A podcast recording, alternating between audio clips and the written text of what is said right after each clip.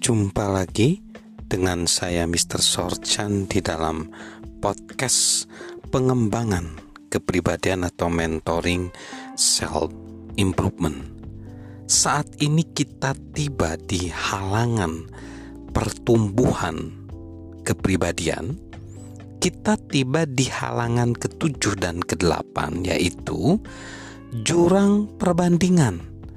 Orang lain lebih baik dari saya. Jurang perbandingan orang lain lebih baik dari saya. Pada awal karir, John C. Maxwell menghadiri acara tukar pendapat dengan tiga pemimpin lain di Orlando, Florida.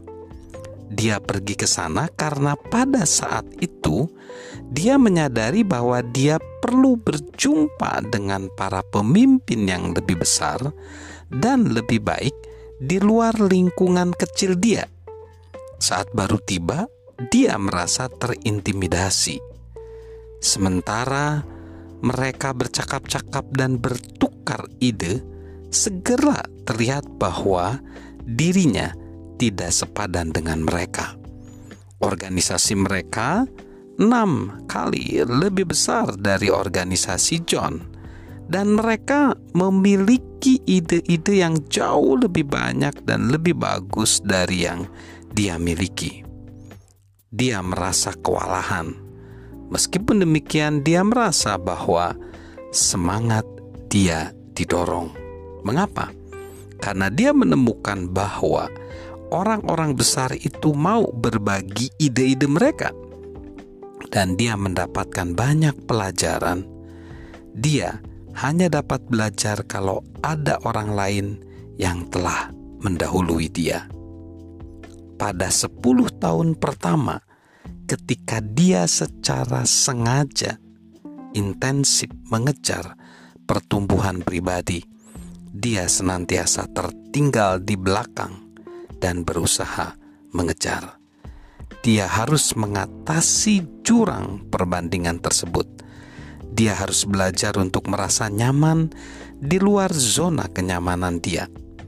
Itu adalah transisi yang sulit, namun sangat berharga untuk dijalani. Yang kedelapan adalah jurang harapan. Jurang harapan berkata demikian, "Saya kira akan lebih mudah dari ini. Saya kira akan lebih mudah dari ini.